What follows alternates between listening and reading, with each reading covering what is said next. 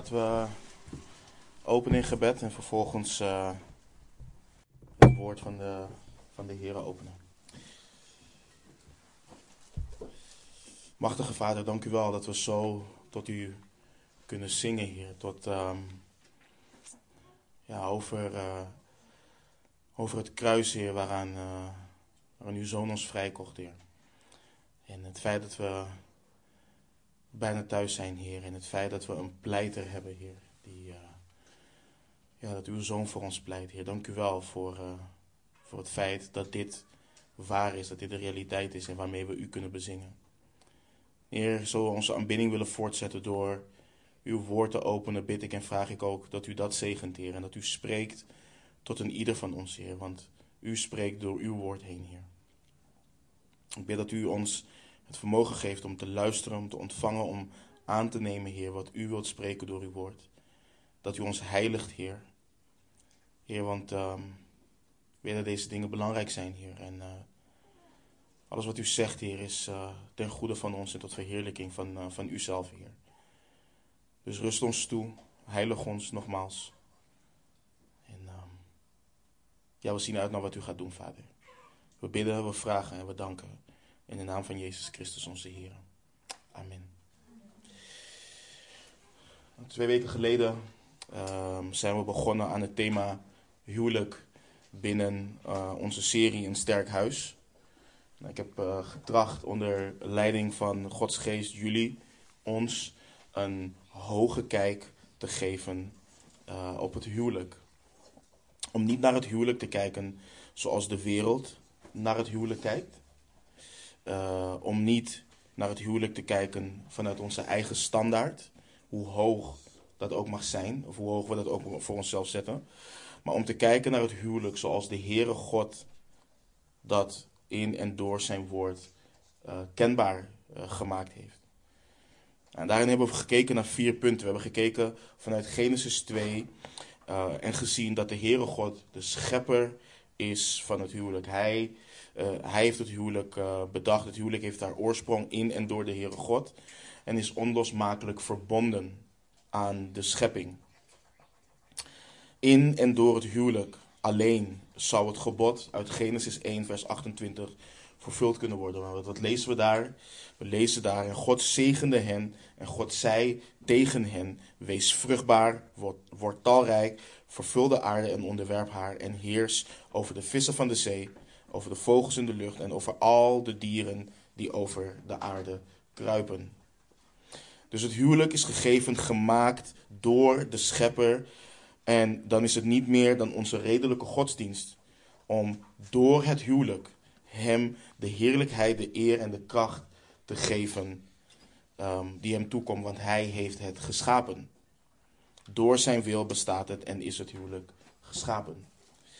Maar we zagen vervolgens dat de Heere God ook een ontwerp heeft voor het huwelijk. Het was niet simpelweg dat hij Adam en Eva, dat hij bij Adam en Eva heeft bepaald, dit is hoe het is en de rest mogen jullie zelf invullen, de rest mogen jullie nakomelingen zelf invullen. Nee, hij heeft er een ontwerp voor. Hij bepaalt wat het huwelijk is. Hij bepaalt wat het huwelijk niet is. Hij bepaalt hoe het wel en hoe het niet tot stand komt. Het land kan wetten doorvoeren. Het land kan bepalen en zeggen: dit is een huwelijk, maar wij weten vanuit Gods woord wat werkelijk en waarlijk een huwelijk is. En daar houden wij ons als zijn kinderen aan. Nou, we zagen dat het huwelijk een levenslang verbond is. Een verbond waarin de Heere God één man en één vrouw samenvoegt en dat zij één vlees worden. En daarom haat de Heere God echtscheiding ook. Het is het verbreken van het verbond, van een verbond. Want niet alleen de man en de vrouw zijn onderdeel van het verbond. Nee, de Heere God die de man en vrouw samenvoegt, is getuige van dat verbond. Man en vrouw worden familie. Ze horen bij elkaar te blijven tot de dood hen scheidt. En het vierde punt waarbij, waarbij we hebben stilgestaan is dat het huwelijk getuigt van iets groters. Het getuigt van het verbond tussen Christus en zijn gemeente. Daar hebben we vorige week uitgebreid bij stilgestaan. Nou, als we klaar zijn hiermee, wil ik vanuit Efeze 5 een begin met jullie maken om specifiek te gaan kijken naar de vrouw in het huwelijk. Wanneer we daar klaar mee zijn, gaan we uiteraard naar de man kijken. We gaan ook nog kijken naar communicatie en conflicten binnen het huwelijk.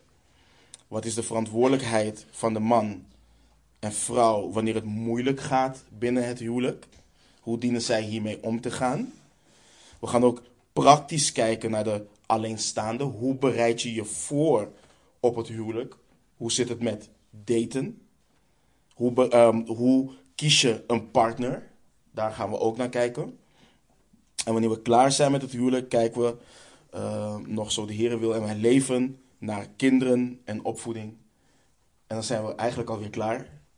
En dan uh, gaan we weer vers voor vers door een brief of een boek. Nou, vandaag wil ik, net als vorige week en de week daarvoor, nog hoog over, nog vanuit een helikopterview met jullie kijken naar het huwelijk. Nou, de reden zal door de studie heen wel duidelijk worden, maar ik geef het ook nu. En dat is omdat man en vrouw hun rol niet gaan oppakken als deze bouwsteen, als deze vruchten waar we bij gaan stilstaan, om het maar even zo te noemen, niet aanwezig zijn. Een vrouw zal zich nooit vreugdevol en welwillend onderschikken als ze niet bewust is van, de, van deze dingen en ze ook niet actief najaagt. En een man zal zijn vrouw nooit lief hebben zoals Christus dat wil en zoals Christus de gemeente lief heeft, als hij zich niet bewust is van deze dingen en ze niet actief najaagt. En een belangrijk ding is ook dit. Ehm, we gaan stilstaan bij alleenstaande. Sommigen van jullie zijn alleenstaan. Uh, en misschien denk je van, oké, maar waarom is dit belangrijk voor mij? Misschien heeft iemand niet eens het verlangen om te trouwen. Maar het is belangrijk omdat de kerk en het huwelijk niet van elkaar gescheiden kunnen worden. Het, het kan niet van elkaar gescheiden worden. Dus als broeder of als zuster heb je ook een verantwoordelijkheid. En zeker wanneer het binnen een huwelijk in de gemeente moeilijk gaat. Als jij weet wat God wilt, dan kun je jouw broeder en jouw zuster daar ook op wijzen. Dan kun je hen daarin begeleiden. Dus denk niet, oké, dit is alleen relevant voor hen die getrouwd zijn, voor hen die gaan trouwen. Dit is relevant voor ieder kind van de Heere God. Dit is relevant voor allen. En een goede reminder ook, de meeste van jullie zijn bekend met de schrift, niet per se door ons, maar omdat ik weet dat jullie een diep verlangen hebben om de schrift te kennen en dat ook willen bestuderen. Um, dus ik ga niets nieuws vertellen vandaag. Ik vertel nooit wat nieuws. Ik hoop dat ik nooit wat nieuws vertel. Ik ga jullie herinneren aan dingen die jullie al horen te weten. En jullie aansporen om te wandelen in deze dingen. Maar niet alleen dat, ik doe hier en nu actief de oproep toets, broeders en zusters, voor de glorie van de Heere God, bij elkaar, hoe dit bij elkaar gaat. Of we hier ook daadwerkelijk in wandelen. Nogmaals, het huwelijk is niet iets privés. Het is niet voor jou alleen. Dus doe dit alsjeblieft. Bemoedig elkaar als broeders en zusters hierin. Spoor elkaar aan. Vermaan elkaar en wijs indien nodig elkaar in liefde en in waarheid terecht. Kijk, ik wil met jullie, ik wil jullie vragen om jullie Bijbels te openen op Colossense 3. Colossense hoofdstuk 3. Ik wil samen met jullie vers 1 tot en met 19 lezen. Dit gedeelte is zo rijk en zo diep dat we hier maanden in zouden kunnen zitten. Maar nogmaals, we gaan het benaderen vanuit een helikopterview. Colossense 3.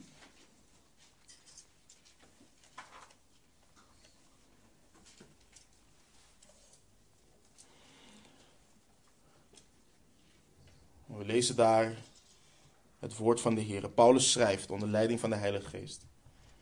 Als u nu met Christus opgewekt bent Zoek dan de dingen die boven zijn, waar Christus is, die aan de rechterhand van God zit. Bedenk de dingen die boven zijn en niet die op de aarde zijn. Want u bent gestorven en uw leven is met Christus verborgen in God. Wanneer Christus geopenbaard zal worden, die ons leven is, dan zult ook u met hem geopenbaard worden in heerlijkheid. Dood dan uw leden die op de aarde zijn: ontucht, onreinheid hartstocht, kwade begeerte en de hebzucht, die afgoderij is. Door deze dingen komt de toorn van God over de ongehoorzamen. In deze dingen hebt ook u voorheen gewandeld, toen u in die dingen leefde. Maar nu legt ook u dit alles af, namelijk toorn, woede, slechtheid, laster en schandelijke taal uit uw mond. Lieg niet tegen elkaar, aangezien u de oude mens met zijn daden uitgetrokken hebt en de nieuwe mens aangetrokken hebt, die vernieuwd wordt tot kennis, overeenkomstig het beeld van hem die hem geschapen heeft. Daarbij is niet Griek en Jood van belang, besnedene en onbesnedene, barbaar en Siet, slaaf en vrije, maar Christus is allen, alles en in allen. Kleed u zich dan als uitverkorenen van God, heiligen en geliefden, met innige gevoelens van ontferming, vriendelijkheid, nederigheid, zachtmoedigheid, geduld. Verdraag elkaar en vergeef de een de ander als iemand tegen iemand anders een klacht heeft, zoals ook Christus u vergeven heeft, zo moet ook u doen. En kleed u zich boven alles met de liefde, die de band van de volmaaktheid is. En laat de vrede van God heersen in uw harten, waartoe u ook in één lichaam geroepen bent. En wees dankbaar. Laat het woord van Christus in rijke mate in, uh, laat het woord van Christus in rijke mate in u wonen. Onderwijs elkaar en wijs elkaar terecht in alle wijsheid. En zing voor de Heer met psalmen, lofzangen en geestelijke liederen met dank in uw hart. En alles wat u doet, met woorden of met daden, doe dat alles in de naam van de Heer Jezus, terwijl u God en de Vader dankt door Hem. Vrouwen, wees uw eigen mannen onderdanig, zoals het behoort in de Heer. Mannen, heb uw, eigen, heb uw vrouw lief en wees niet verbitterd tegen haar. Nou, ik heb best veel punten waar ik uh, bij stil wil staan. Vandaag gaan we kijken naar de vruchten van het evangelie in het huwelijk. Dus laten we er gelijk in duiken. Idealiter heb je dat een huwelijk bestaat uit zowel man als vrouw die geboren zijn uit God door het geloof in Jezus Christus. Maar we zien en we kennen de voorbeelden in de schrift, in onze eigen omgeving, waarin het voorkomt dat een man of vrouw getrouwd is als ongelovige, maar er één in dat huwelijk tot geloof komt en de ander niet. En daarom stel ik het als volgt. Wil jij de Heere God verheerlijken in je huwelijk? Dan moet je opgewekt zijn met Christus. Alles wat de apostel Paulus, alles wat de apostel Paulus hier onder leiding en inspiratie van de Heilige Geest schrijft, schrijft hij aan christenen. Hij schrijft dit niet aan ongelovigen, hij schrijft dit aan christenen. Alleen wedergeboren discipelen van de Heer Jezus kunnen hier gehoor aan geven. Alleen wedergeboren discipelen van de Heer Jezus willen en zullen hier gehoor aan geven. In al hun struikelen, in al hun falen, in al hun gebrokenheid, zullen ze Christus najagen om hier gehoor aan te geven. Maar wat bedoelt Paulus met opgewekt? Hij bedoelt levend gemaakt door de genade en barmhartigheid van de Heere God. De persoon die dood was door de overtredingen en de zonde, heeft van God uit genade door het geloof in Jezus Christus nieuw leven ontvangen. Dat is de persoon die de apostel Paulus hier omschrijft. Dat is de persoon, daarom zegt hij, als u nu opgewekt bent met Christus, dit geldt voor jou. Die persoon. En waarom is dit cruciaal? Je hebt alleen de geest van God als je levend gemaakt bent. Je hebt alleen de geest van God als je levend gemaakt bent. Zonder de geest van Christus ben je niet van Hem en ben je niet in Hem en ben je nog steeds dood door de zonde en de overtredingen. Je bent het nog steeds. Het maakt niet uit, moreel gezien, hoe goed je denkt, hoe goed je handelt. Als je de geest van God niet hebt, ben je niet van Hem. Dan ben je nog dood in je zonde. Zonder de geest van God leef je naar het vlees en bedenk je de dingen van het vlees. En het denken van het vlees is vijandschap tegen God. Het onderwerpt zich niet aan de wet van God, schrijft Paulus, want het kan dat ook niet. En zij die in het vlees zijn, en dit is zo belangrijk, zij die in het vlees zijn, kunnen God niet behagen. Ze kunnen God niet behagen. Dit is ook belangrijk voor ons in ons huwelijk. Als je een vleeselijk moment hebt en je handelt daarvan uit, je behaagt God niet. Je behaagt God niet. Ze denken aards, ze spreken aards, ze handelen aards. Nou, wij weten inmiddels dat het huwelijk van boven is gegeven. Dus zij die opgewekt zijn met Christus, bedenken of moeten ook de dingen bedenken voor hun huwelijk die boven zijn. Ze jagen in en voor en door hun huwelijk de dingen na die boven zijn, waar Christus is, die aan de rechterhand van God zit. Dus wil je de Heer Jezus verheerlijken met je huwelijk, dan kan dat niet als je niet de geest hebt gegeven, de geest hebt ontvangen die gegeven is om Christus te verheerlijken. En misschien is het goed om het volgende te zien en te beseffen. Kijk, jouw huwelijk, jouw huwelijk getuigt niet simpelweg van jouw zaligmaking. Jouw huwelijk is afhankelijk van jouw zaligmaking. En ik benadruk dit om de volgende redenen. Vaak zeggen niet-christenen, en volgens mij hebben jullie dit allemaal wel eens gehoord. Je hebt toch geen God nodig of je hebt toch geen boek nodig om te weten en te leren dat je elkaar dient te vergeven. Dat je er voor elkaar dient te zijn, dat je voor elkaar dient te zorgen, dat je van elkaar moet houden, dat je goed moet doen. Kijk om je heen hoeveel huwelijken floreren zonder God. Je hebt toch ook gewoon fatsoen? Je hebt toch ook een gezond verstand? Dat zeggen ongelovigen heel vaak. En wat ik jullie hier voorhoud, broeders en zusters, is niet simpelweg een goed huwelijk. Ik hoop dat jullie dat zien. Dit gaat niet simpelweg om een goed en gelukkig huwelijk. En begrijp me niet verkeerd, dat wil ik voor ieder van ons, dat wil God ook voor ons. Maar dit gaat om een huwelijk wat God verheerlijkt. Daar gaat dit om. Wat God dient, wat wordt geleefd in en door de geest. Wat erop gericht is op, wat gericht is op Christus Jezus onze Heer. En dat zijn totaal verschillende dingen. Dat zijn totaal verschillende dingen.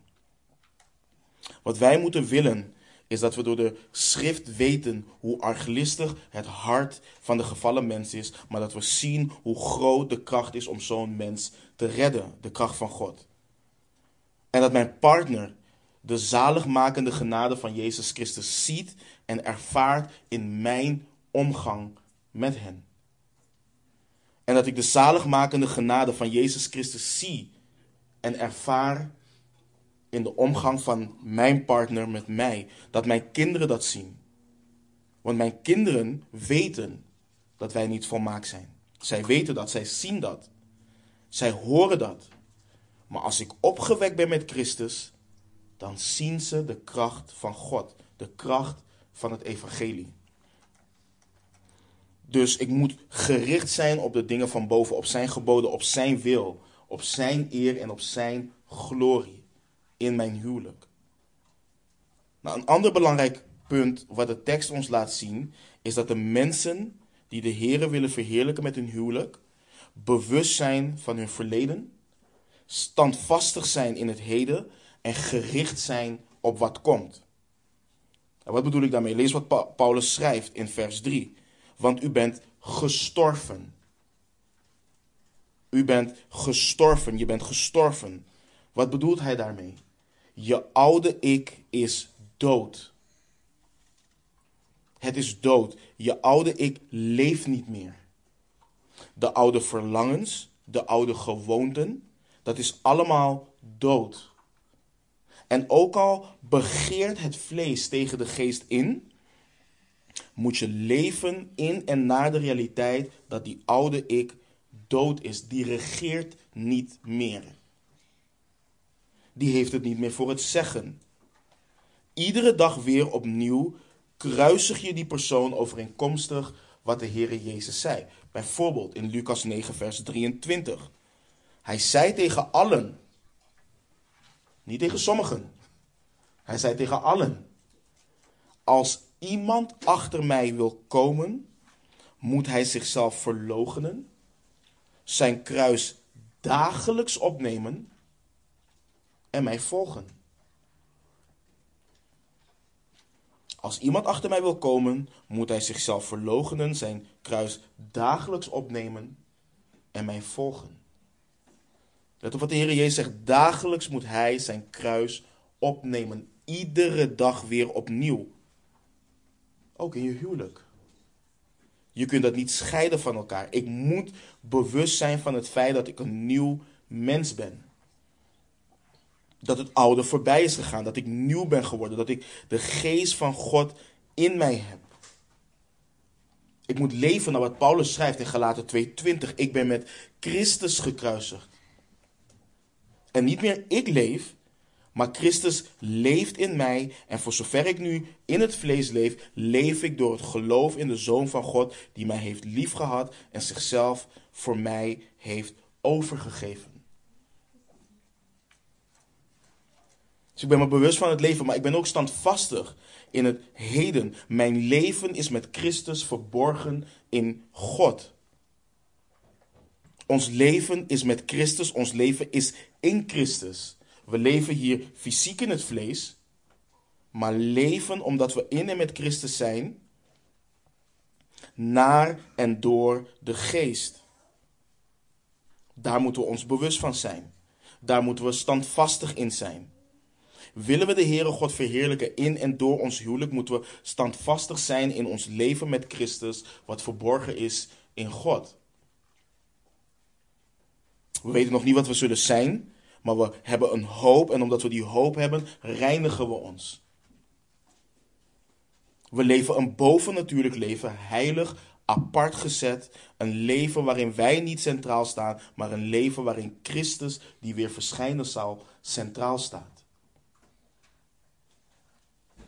En dat maakt ons en produceert in ons dat we ons richten op wat komt. Kijk, sommigen leven in een huwelijk alsof het huwelijk eeuwig zal duren en alsof de Heer Jezus Christus niet terug zal komen. En dat houdt niet in omdat we hem verwachten dat we niet bezig zijn, dat we niet bezig met elkaar kunnen zijn en moeten zijn. Maar het houdt wel in dat we in ons huwelijk leven met een rijkhalsend verlangen naar de komst van onze Heer Jezus Christus. Iedere discipel, iedere Iedere apostel ook in de brief of in de, in de schrift zie je leefde met die verwachting. Wat lazen we bijvoorbeeld in Filippenzen 3, vers 8 tot en met 12. We hebben het behandeld. Paulus schrijft, ja beslist, ik beschouw ook alles als schade vanwege de voortreffelijkheid van de kennis van Christus Jezus mijn Heer, om wie ik dat alles als schade ervaren heb. En ik beschouw het als vuiligheid, omdat ik Christus mag winnen en in Hem gevonden word, niet met mijn rechtvaardigheid die uit de wet is, maar die door het geloof in Christus is, namelijk de rechtvaardigheid uit God, door middel van het geloof, opdat ik Hem mag kennen en de kracht van Zijn opstanding en de gemeenschap met Zijn lijden, doordat ik aan Zijn dood gelijkvormig word, om hoe dan ook te komen tot de opstanding van de doden. Niet dat ik het al verkregen heb of al volmaakt ben, maar ik jaag ernaar om het ook te grijpen. Daartoe ben ik ook door Christus Jezus gegrepen. Wat schrijft Petrus aan de heiligen in 1 Petrus 1, vers 5 tot en met 9? Nu, u wordt immers door de kracht van God bewaakt door het geloof, door de zaligheid die gereed ligt om geopenbaard te worden in de laatste tijd. Daarin verheugt u zich, ook al wordt u nu voor een korte tijd, als het nodig is, bedroefd door allerlei verzoekingen, opdat de beproeving van uw geloof, die van groter waarde is dan die van goud, dat vergaat en door het vuur beproefd wordt, mag blijken te zijn tot lof en eer en heerlijkheid bij de openbaring van Jezus Christus. Hoewel u hem niet gezien hebt, hebt u hem toch lief. Hoewel u hem nu niet ziet, maar gelooft, verheugt u zich met een onuitsprekelijke en heerlijke vreugde en verkrijgt u het einddoel van uw geloof, namelijk de zaligheid van uw zielen. Johannes schrijft in 1 Johannes 3, vers 1 tot en met 3. Zie, hoe groot is de liefde die de Vader ons gegeven heeft. Dat wij kinderen van God worden genoemd. Daarom kent de wereld ons niet, omdat zij Hem niet kent. Geliefden, nu zijn wij kinderen van God. En het is nog niet geopenbaard wat wij zullen zijn, maar wij weten als Hij geopenbaard zal worden, wij Hem gelijk zullen zijn. want wij zullen hem zien zoals hij is. En ieder die deze hoop op hem heeft, reinigt zich zoals hij rein is. Soms, denken dat we, dat, soms denken we dat wanneer er staat dat al ons werk, al onze werken beproefd zal worden, dat we reken, en dat we rekenschap zullen afleggen voor alles wat we hebben gezegd, ons huwelijk daarvan uitgezonderd is. We kunnen de oproepen die je krijgt jegens elkaar als broeders en zusters niet scheiden van het huwelijk. En wanneer je bewust bent van het verleden, dan drijft dat je tot onderwerping aan Hem voor heiliging en toerusting in je huwelijk. En wanneer je standvastig bent in een heden, dan drijft dat ook je tot onderwerping aan Hem en toerusting in je huwelijk. En hetzelfde, hetzelfde geldt ook voor het streven, voor het verlangen wat we hebben naar de hoop die er voor ons ligt. We zijn burgers van een hemels koninkrijk. Wij zijn geen burgers van deze wereld. We dienen dan ook niet zo te leven, ook niet in ons huwelijk.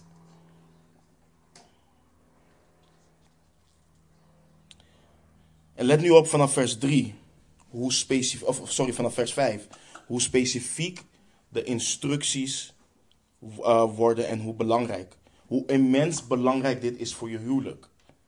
Paulus schrijft in vers 5: Dood dan uw leden die op de aarde zijn: ontucht, onreinheid, hartstocht, kwade begeerte en de hebzucht die, die afgoderij is. Let ook op vers 8. Maar nu legt ook u dit alles af, namelijk toorn, woede, slechtheid, laster en schandelijke taal uit uw mond. Wat produceert het evangelie in het huwelijk? Mensen die de zonde doden en hun begeerten verlogenen. Een vrucht van het evangelie huwelijk is dat je de zonde actief doodt en je de vleeselijke begeerten verlogent. Paulus schrijft: Dood dan uw leden. Ik wil jullie benadrukken, hierop wijzen. Als jij geboren bent uit God, dan ben je door de Heilige Geest bij machten om dit te doen. Als je geboren bent uit God, dan ben je bij machten door de Heilige Geest om dit te doen. Daarnaast wil ik ook dit benadrukken. Jij als christen, jij als discipel, jij dient drastische maatregelen te nemen om hier gehoor aan te geven. Je dient een strijd aan te gaan die voortduurt totdat je het aflegt en je mag niet sluimeren in je strijd. Je mag niet verslappen, je moet volharden, stand houden, strijden. Als jij van jezelf denkt en bij jezelf denkt, nou dit zijn gewoon nare karaktertrekjes en mijn partner dient hiermee te leven, dan breek je eigenhandig je huwelijk af. Je dient onder andere seksueel rein te wandelen. Iedere vorm van onreinheid dien je continu te blijven kruisigen. Kwade begeerten, slechte aardse en vleeselijke verlangens. Alles dien je te doden. Waarom? Want als je dat laat leven en je hebt als vrouw het gebod om je man onderdanig te wezen, zul je over hem gaan heersen. Omdat onreine en kwade begeerten over jou heersen. Als je het als man laat leven, terwijl je het gebod hebt om je vrouw op zelfopofferende wijze lief te hebben, ga je over je vrouw heersen. Je gaat je als een tiran gedragen. Want jouw wil, jouw onreine en kwade begeerten zijn dan wil en wet. Let op wat Paulus schrijft. Dit is hoe je jezelf dient te zien. En dit staat niet op zichzelf. Ook dit vloeit voort uit het opgewekte leven. Let op Romeinen 6, vers 9 tot en met 14. Paulus schrijft daar: Wij weten toch dat Christus, nu hij is opgewekt uit de doden, niet meer sterft. De dood heerst niet meer over hem. Want wat zijn sterven betreft is hij eens en voor altijd voor de zonde gestorven. En wat zijn leven betreft leeft hij voor God. Zo dient ook u uzelf te rekenen als dood voor de zonde. Let goed op. Dit is de toepassing, dit is het gevolg daarvan. Wat zijn sterven betreft is hij eens en voor altijd voor de zonde gestorven. Nu, wat zijn leven betreft, leeft hij voor God. En wat betekent dat dan nu voor mij? Zo dient ook u uzelf te rekenen als dood voor de zonde, maar levend voor God in Christus Jezus onze Heer. Nou, wat nog meer, Paulus? Laat de zonde dan niet in uw sterfelijk lichaam regeren om aan de begeerte daarvan te gehoorzamen. En stel uw leden niet ter beschikking aan de zonde als wapens van ongerechtigheid, maar stel uzelf ter beschikking aan God als mensen die uit de doden levend geworden zijn. En laat uw leden wapens van gerechtigheid zijn voor God. Want de zonde zal over u niet heersen. U bent namelijk niet onder de wet, maar onder de genade.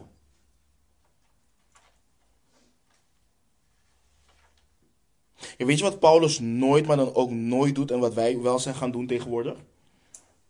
Kijk, Paulus is zich bewust van de strijd van het vlees tegen de geest. Hij schrijft erover in Galaten. Hij is zich daar bewust van. Hij is zich bewust van het feit dat we niet volmaakt zijn. Maar je zult geen vers in de Bijbel vinden waar Paulus een excuus geeft voor de dingen die we doen. Je zult geen vers vinden. Er is geen vers in de Bijbel waarin hij, of, de, of welke auteur dan ook, ons hier ons comfortabel in wil laten voelen. Geen. Nee, wat doet hij? Hij zegt: vlucht voor deze dingen.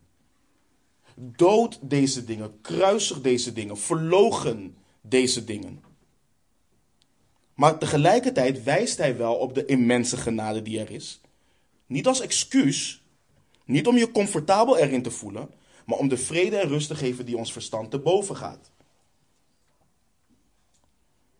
Wat het herinnert dat ik behouden ben door Hem en niet door mijn eigen werken. Maar het herinnert mij ook aan de opdracht die ik heb en waarin ik me moet beijveren. Dus broeders en zusters, Paulus, hij schrijft aan christenen. Als u nu opgewekt bent met Christus, aan hen schrijft hij. Jong in hun geloof, oud in hun geloof, allen dienen dit te doen. Dood uw leden op de aarde. Nou, hoe en waarom? Omdat je al ver in je geloof bent en omdat je nu genoeg ervaring hebt in het christelijke leven? Nee, omdat je opgewekt bent met Christus. Omdat je opgewekt bent met Christus, omdat je leven met Hem in God verborgen is. Daarom. Daarom. En weet je wat het belangrijke is om te beseffen? Deze dingen zijn geen karaktertrekjes die we gewoon even opzij kunnen schrijven. Dit is nou eenmaal hoe ik ben. Nee, dit zijn de dingen die God toornig maakt. Waarom? Kijk naar vers 6. Door deze dingen komt de toorn van God over de ongehoorzamen. Dat schrijft hij in Colossense 3. Door deze dingen komt de toorn van God over de ongehoorzamen. Dus dit zijn geen karaktertrekjes waarvan je zegt: ik zet het even opzij. Paulus schrijft ook, en hoe vaak zie je dit in, in, in huwelijken, huwelijken? Hij schrijft, leg ook dit alles af, namelijk toorn, woede, slechtheid, laster en schandelijke taal uit uw mond. En laat me helder zijn over het volgende, ook voor de mensen die nog gaan trouwen. Er is geen huwelijk zonder conflict. Laten we dat gewoon in de open gooien. Ik weet niet of dat je verwachting is, maar vraag de mensen die getrouwd zijn, kijk naar de schrift. Er is geen huwelijk zonder conflict. Het bestaat niet. In een huwelijk zul je conflict hebben. Je zult meningsverschillen hebben. Waarom? Ik zei het vorige week al. Je brengt twee zondaren onder de genade van God, ja, maar twee zondaren met hun gevallen vlees breng je bij elkaar, die voeg je samen, je plaatst ze in een huis van een aantal vierkante meter en ze moeten het de hele dag met elkaar doen. Succes. Er is geen huwelijk zonder conflict. Het bestaat niet. Je zult boos worden op elkaar. Je zult boos kunnen worden op elkaar. Maar dit waar Paulus het hierover heeft. Dat zijn geen meningsverschillen. Dat is niet boos worden. Let goed op de woorden die Paulus gebruikt: toorn, woede, slechtheid, laster, schandelijke taal. Dit, dit is anders. Dit is niet, we hebben een meningsverschil. Let nog een keer op. Toorn, woede, slechtheid, laster, schandelijke taal. Het woord toorn impliceert in het Grieks een diep gewortelde boosheid. Een tegenstand, oftewel opkomend uit een voortdurend vaste tegenstand tegen iemand of tegen iets. Dus een diep gewortelde boosheid tegen iemand. Daar heeft hij het over. Dit is dus als er iets in je huwelijk plaatsvindt, iets in je huis plaatsvindt, wat je maanden laat sudderen. En waarvan je op een gegeven moment bij een van de ouderlingen zit als stel en zegt: Ik kon niet meer. En het kwam eruit. Dat is waar hij het over heeft. Dat is dit.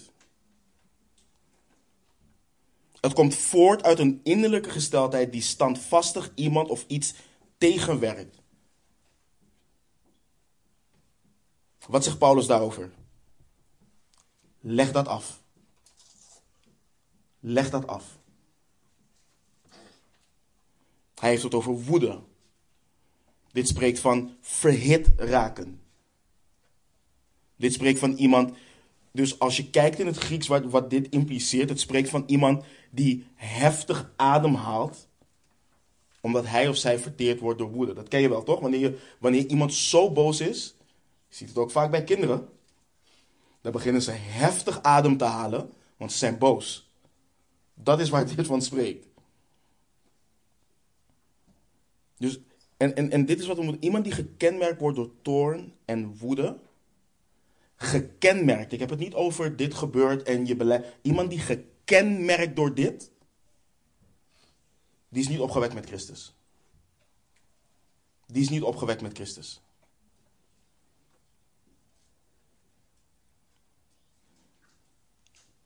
Iemand die van 0 naar 100 gaat. Dit is niet, word boos, maar zondig niet.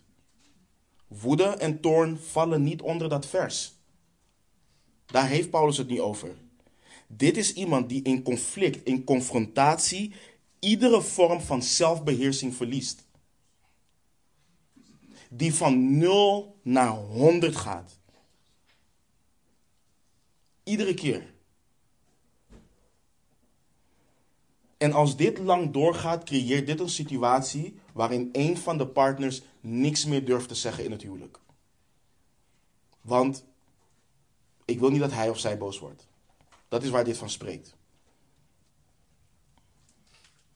Deze dingen maken huwelijken stuk. Ze maken huwelijken kapot. Kijk, je kunt het oneens zijn over iets met elkaar. Kan zelfs voorkomen dat je je partner verkeerd benadert in je spraak. Van al die dingen dienen je te bekeren. Laten we dat voorop stellen. Maar uitbarstingen waarin men woedend wordt, toornig wordt, broeders en zusters, dat laat zien wat er in je hart leeft. Wat er in je hart regeert. En het laat zien dat hoogstwaarschijnlijk dat je hart nog dood is. Dat je geen nieuw hart hebt ontvangen. Leg dat af, schrijft Paulus. Paulus spreekt van slechtheid, laster, schandelijke taal uit uw mond. Petrus schrijft ook in zijn brief continu diezelfde oproep. 1 Petrus 2, vers 1. Leg dan af alle slechtheid, alle bedrog, huichelarij, afgunst en alle kwaadsprekerij.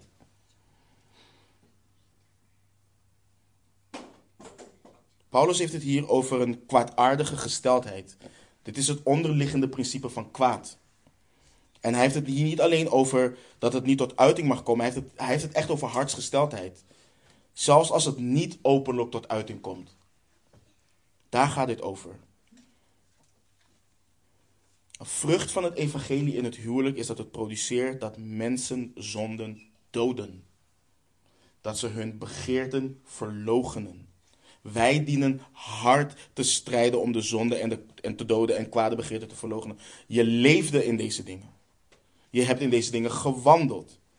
Maar zij aan wie de goede tierenheid in de liefde van God verschenen is, zij hebben nu de opdracht, niet alleen de opdracht, maar ook de kracht om dit iedere dag weer af te leggen. En dit is wat ik, broeders en zusters, ik wil echt dat jullie dit beseffen. Ik heb het vaker gezegd. De geest die in jou woont is de geest die Christus uit de doden heeft opgewekt. Kijk niet naar Paulus, kijk niet naar Petrus, kijk niet naar Johannes en denk dat zijn superchristenen. Zij hebben dezelfde geest ontvangen die jij ook hebt ontvangen. Er is geen christen in deze gemeente die een superchristen is. Die bestaat niet. Als je een broeder of een zuster ziet en je in deze gemeente of waar dan ook en je denkt, hé hey, wacht eens even. Ik zie die broeder of zuster die wandelt hierin, die, die, die, die, die doet het actief. Prijs niet hem of haar. En denk niet dat hij of, haar, dat, dat hij of zij beter is. Nee, zij beijveren zich om dit gewoon af te leggen. Dat is waar dit om gaat. Leg het af. Paulus geeft dat als een opdracht. Leg het af. We moeten de wil en de vastberadenheid hebben om de zonde te doden en vleeselijke begeerten te verloochenen. Wij hebben die kracht ontvangen.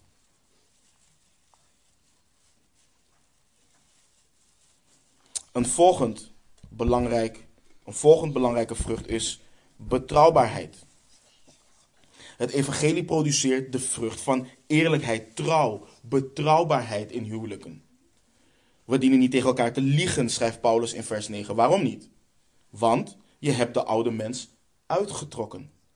Spreek de waarheid tegen elkaar. Aan de Efeziërs schrijft Paulus het als volgt in Efeze 4, vers 25.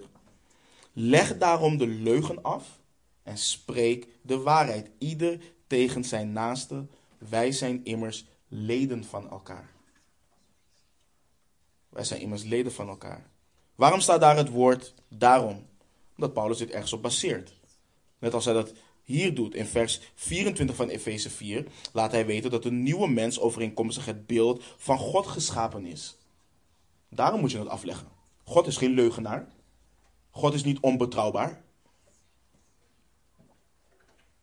Geschapen in ware rechtvaardigheid en heiligheid. In onze tekst schrijft hij in vers 10 dat de nieuwe mens vernieuwd wordt tot de kennis overeenkomstig het beeld van hem die hem geschapen heeft. Je kunt niet zeggen dat je een discipel van Christus bent, een kind van God, van, van hem die niet liegt, die niet ontrouw is, die waarachtig is en je bent zelf niet te vertrouwen. Wanneer je een belofte maakt en je komt die belofte niet na, dan laat je dat zien. Dan laat je zien dat je niet betrouwbaar bent. Het maakt niet uit hoe groot, het maakt niet uit hoe klein die belofte is. Kom je belofte na. Wees eerlijk tegen je partner. Zorg ervoor dat de betrouwbaarheid, dat de trouw van de Heere God zichtbaar is in je huwelijk. En weet je wat trouw vaak in de weg zit? Vrees voor mensen. Vrees voor mensen zit trouw vaak in de weg. We vrezen vaker de mogelijke reacties van mensen op onze eerlijkheid jegens hen, dan hoe we de Heeren verloochenen met onze leugens. Wees eerlijk tegen elkaar. Denk ook bijvoorbeeld in evangelisatie. Simpelweg, als iemand je iets vraagt, dan denk je: oké, maar hoe gaat dit op me overkomen? Misschien sluit ik die deur dan. Misschien kan ik niet meer tot die. Nee, Spreek de waarheid. Spreek de waarheid. Ook in je huwelijk, wees eerlijk tegen elkaar over je zorgen. Wees eerlijk tegen elkaar over je angsten, over je verlangens, over je verwachtingen, over je worstelingen.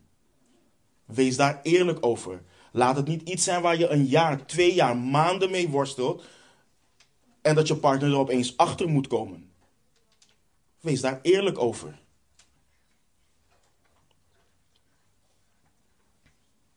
Wees eerlijk tegen elkaar. Lieg niet tegen elkaar.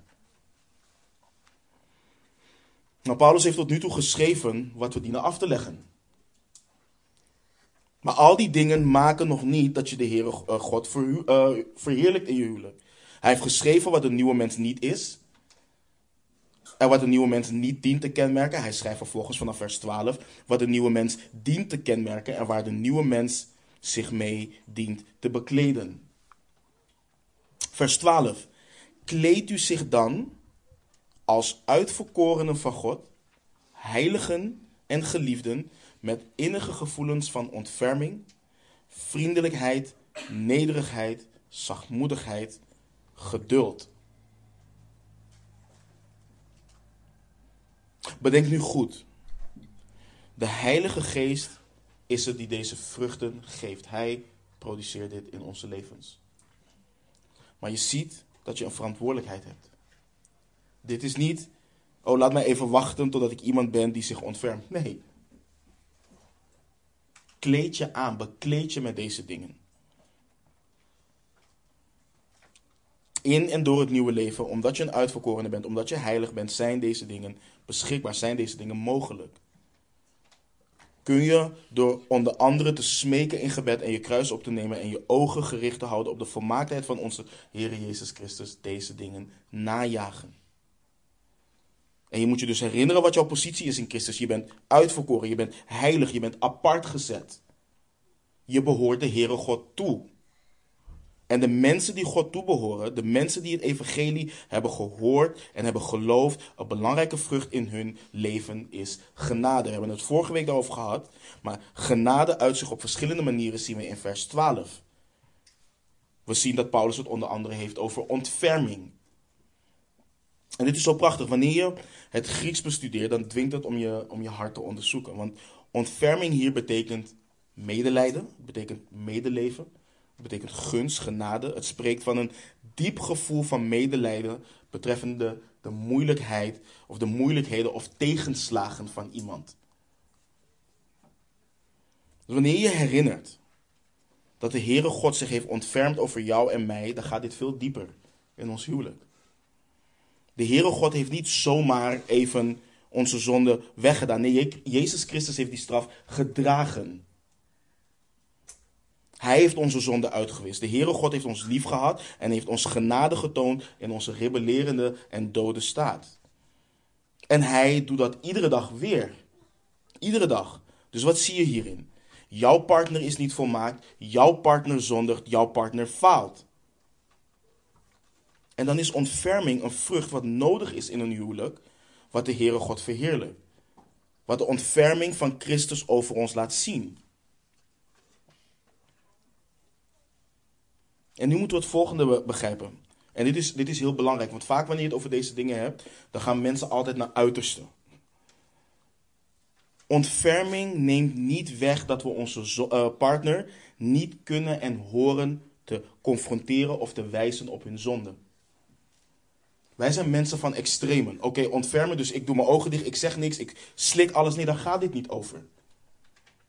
Daar gaat dit niet over. Ontferming neemt niet weg dat we onze partner niet horen op te roepen tot bekering als hij of zij zondigt.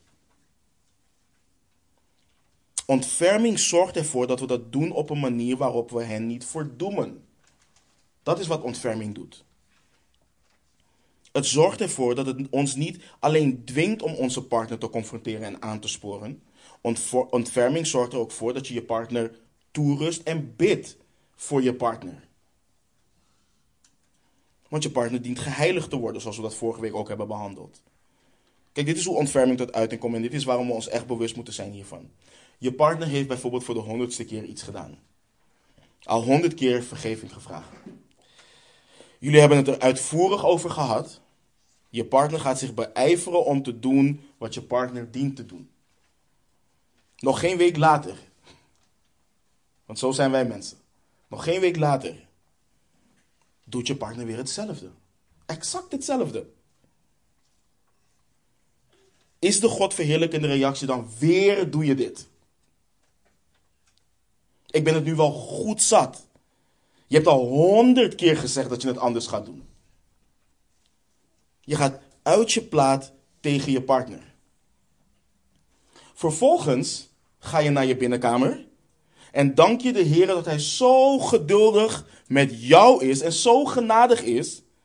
En dat Hij je niet verdoemt omdat je weer boos bent geworden zoals je dat niet had moeten worden. We lijken bijna op Jona.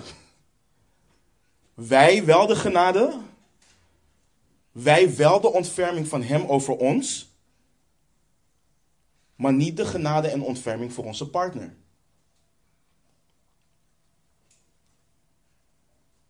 Een beroep doen op zijn ontferming, op zijn medelijden. Dat is, dat is hypocrisie als we op die manier met onze partner omgaan.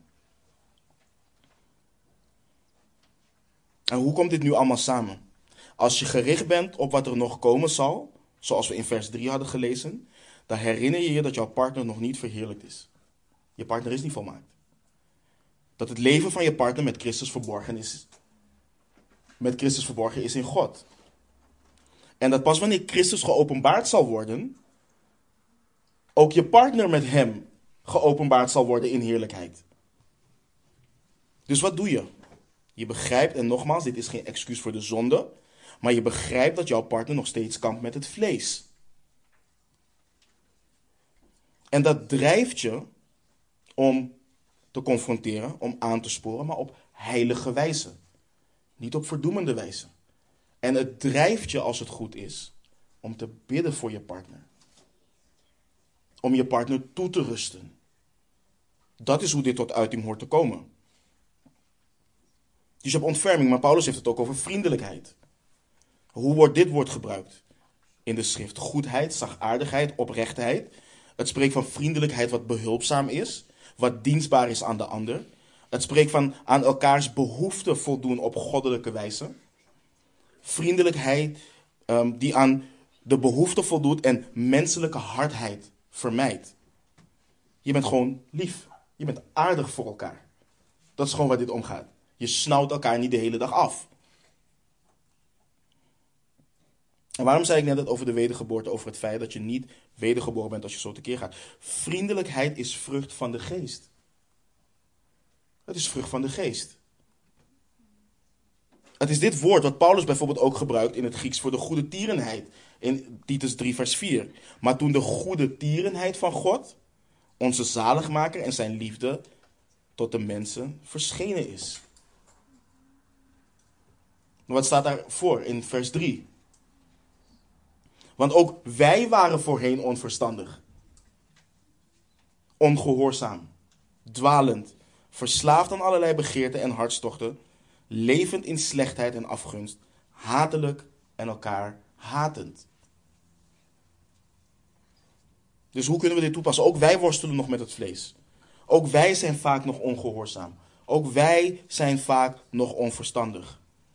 Als we dat in gedachten houden, niet met het oog om weg te kijken van de zonde, maar om de zonde te bedekken onder goddelijke liefde en vriendelijkheid.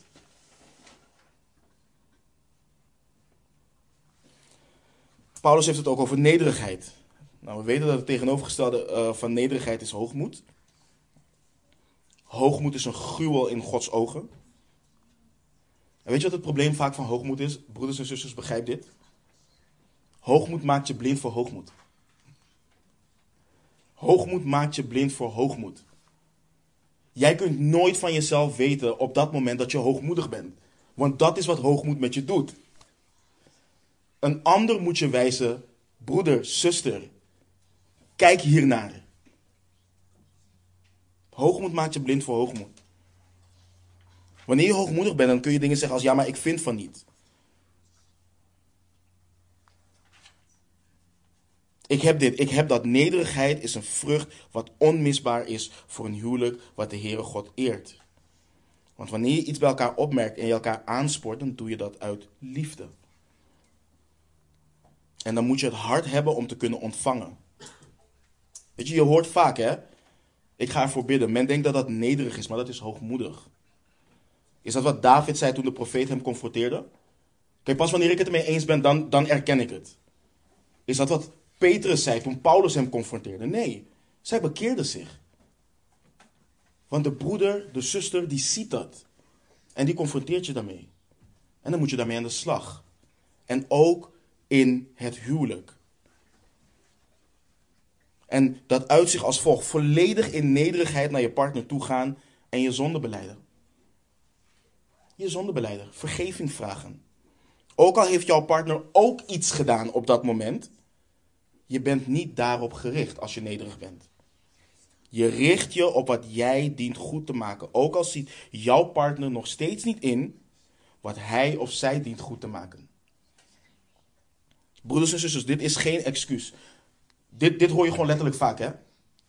Ja, het spijt me dat ik boos op je moest worden. Dat, dat, dat is geen excuses. Dat is niet je zonde beleiden. Het spijt me dat ik boos op jou moest worden. Dat is nog steeds indirect verwijten dat je geen andere keuze had dan boos worden. En dat het gebrek daaraan door je partner komt.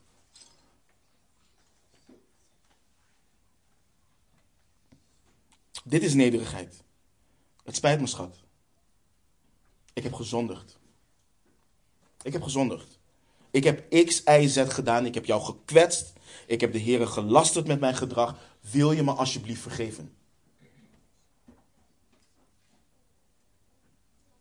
Dat is nederigheid.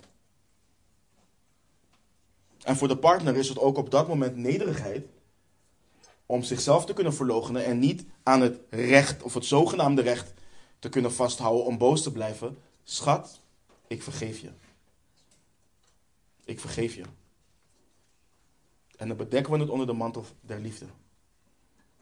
En dan gaan we niet nog twee uur of drie uur elkaar kortaf antwoorden, negeren en onverschillig tegen elkaar doen. Dat is nederigheid.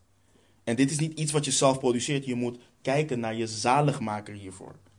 Je moet je werpen op je zaligmaker. Hoe? Nou, kijk bijvoorbeeld, we hebben er bij stilgestaan, Filippenzen 2, vers 5 tot en met 8.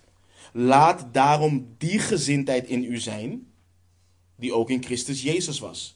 Die terwijl hij in de gestalte van God was, het niet als roof beschouwd heeft aan God gelijk te zijn. Maar wat heeft hij gedaan? Zichzelf ontledigd heeft door de gestalte van een slaaf aan te nemen. En aan, mensen, aan de mensen gelijk te worden. En in gedaante als mens bevonden, heeft hij zichzelf vernederd.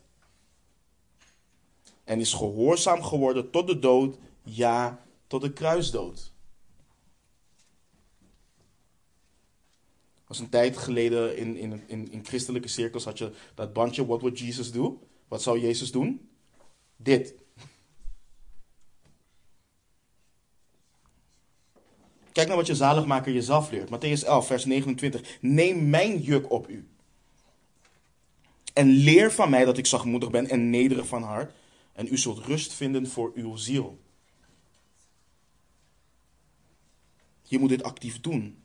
Actief op hem zien, actief aan hem denken, actief bewust zijn van wie hij is en hoe hij is en waartoe dat jou hoort te drijven.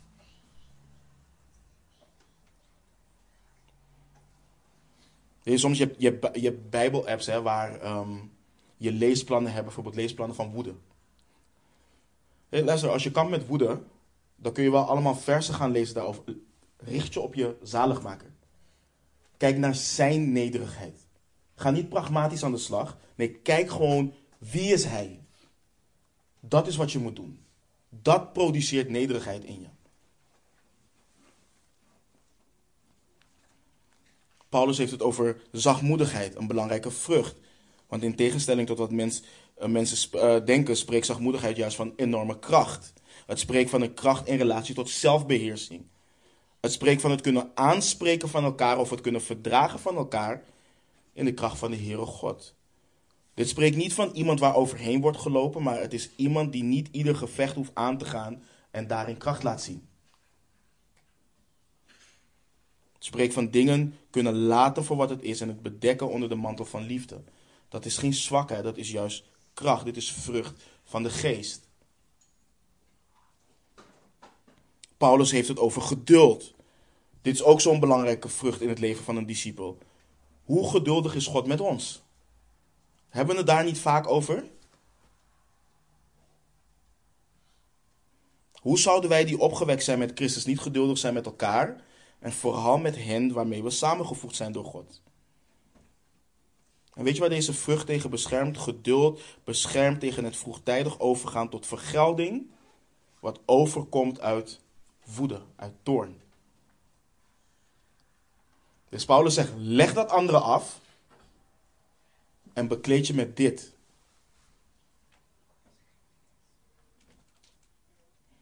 Hoe lang moet je wachten? Totdat dat ene ding weg is bij je partner wat je zo enorm stoort. Misschien wel je hele leven. Misschien wel je hele leven. Eén ding weten we, we hebben het gelezen. Bij zijn openbaring is het weg. Maar dan ben je niet meer getrouwd. Bij zijn openbaring is het weg. Maar je moet er je hele leven misschien mee dealen. Zij doen niet in voorspoed en tegenspoed, zeggen we dat soms niet? Je hele leven. Je partner zal dan verheerlijk zijn, een lichaam hebben zonder zonde, zonder smet, nu, nu niet. Zo dat zien we. Het evangelie produceert een genadig mens. Iemand die leeft door genade, iemand die leeft in genade, iemand die leeft met genade, iemand die genade doorgeeft. In al zijn of haar uh, onvolmaaktheid. Maar dat is wel wat het ware evangelie, wat de, kracht, uh, wat de kracht heeft om een persoon nieuw leven te geven, produceert. Vorige week heb ik al benadrukt hoe onmisbaar genade is voor het huwelijk, maar ik kan niet genoeg benadrukken. En de tekst laat ook zien dat het niet iets is wat je even opbrengt. De tekst laat zien dat het een vrucht is, een bewijs is van je wedergeboorte.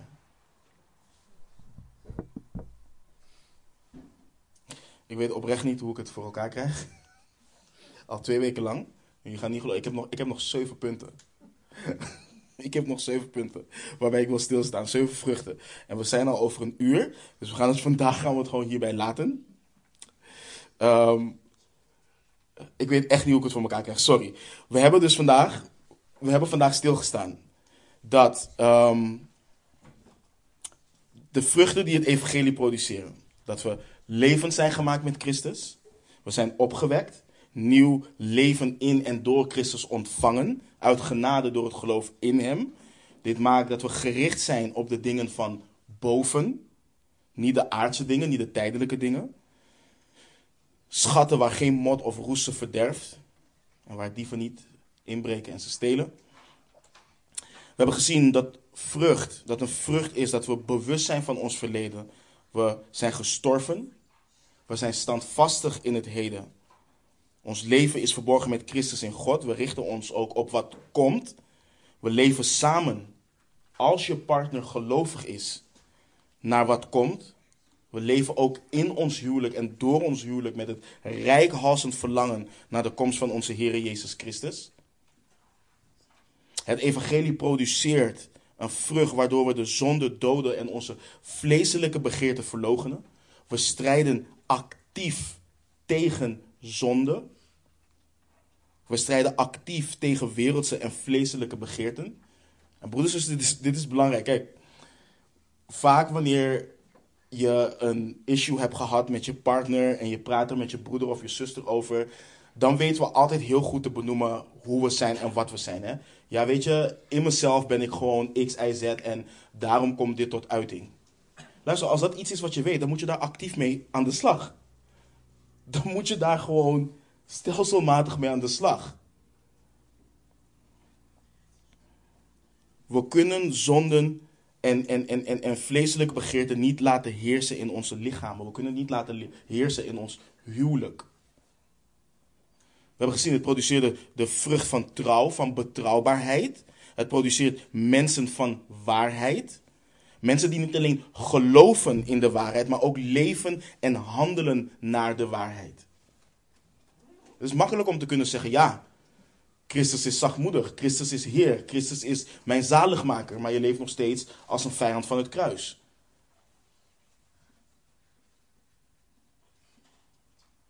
Dus het evangelie produceert mensen die waarheid spreken. Ze denken waarheid. Het produceert ook mensen die vol zijn van genade. We hebben gezien ontferming, vriendelijkheid, nederigheid, zachtmoedigheid, geduld. En ik wil jullie actief aansporen voor de komende week. Want volgende week moeten we de andere punten nog afmaken. Maar voor de komende week. Om actief bezig te gaan met deze dingen die we hebben behandeld. Actief bezig. Kijk, laten wij geen gemeente zijn waar we gewoon luisteren en wanneer we hier de deur uitlopen, dan gaan we weer verder met het dagelijkse en is alles er weer uit. Nee, laten we hier actief mee bezig zijn. Laten we ons deze dingen actief ehm, blijven herinneren. Laten we actief najagen. Deze, laten we deze dingen actief najagen. En ook om te luisteren naar je broeders en zusters wanneer ze deze dingen in je leven waarnemen. Die je dient af te leggen. Laten we luisteren naar elkaar als broeders en zusters. Wanneer ze een gebrek zien aan deze dingen.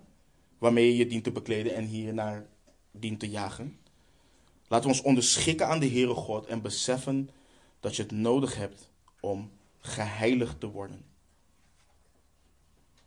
Het evangelie van Jezus Christus heeft niet alleen een uitwerking tot zaligmaking. Het produceert vrucht voor het leven van een discipel van Hem hier en nu op aarde.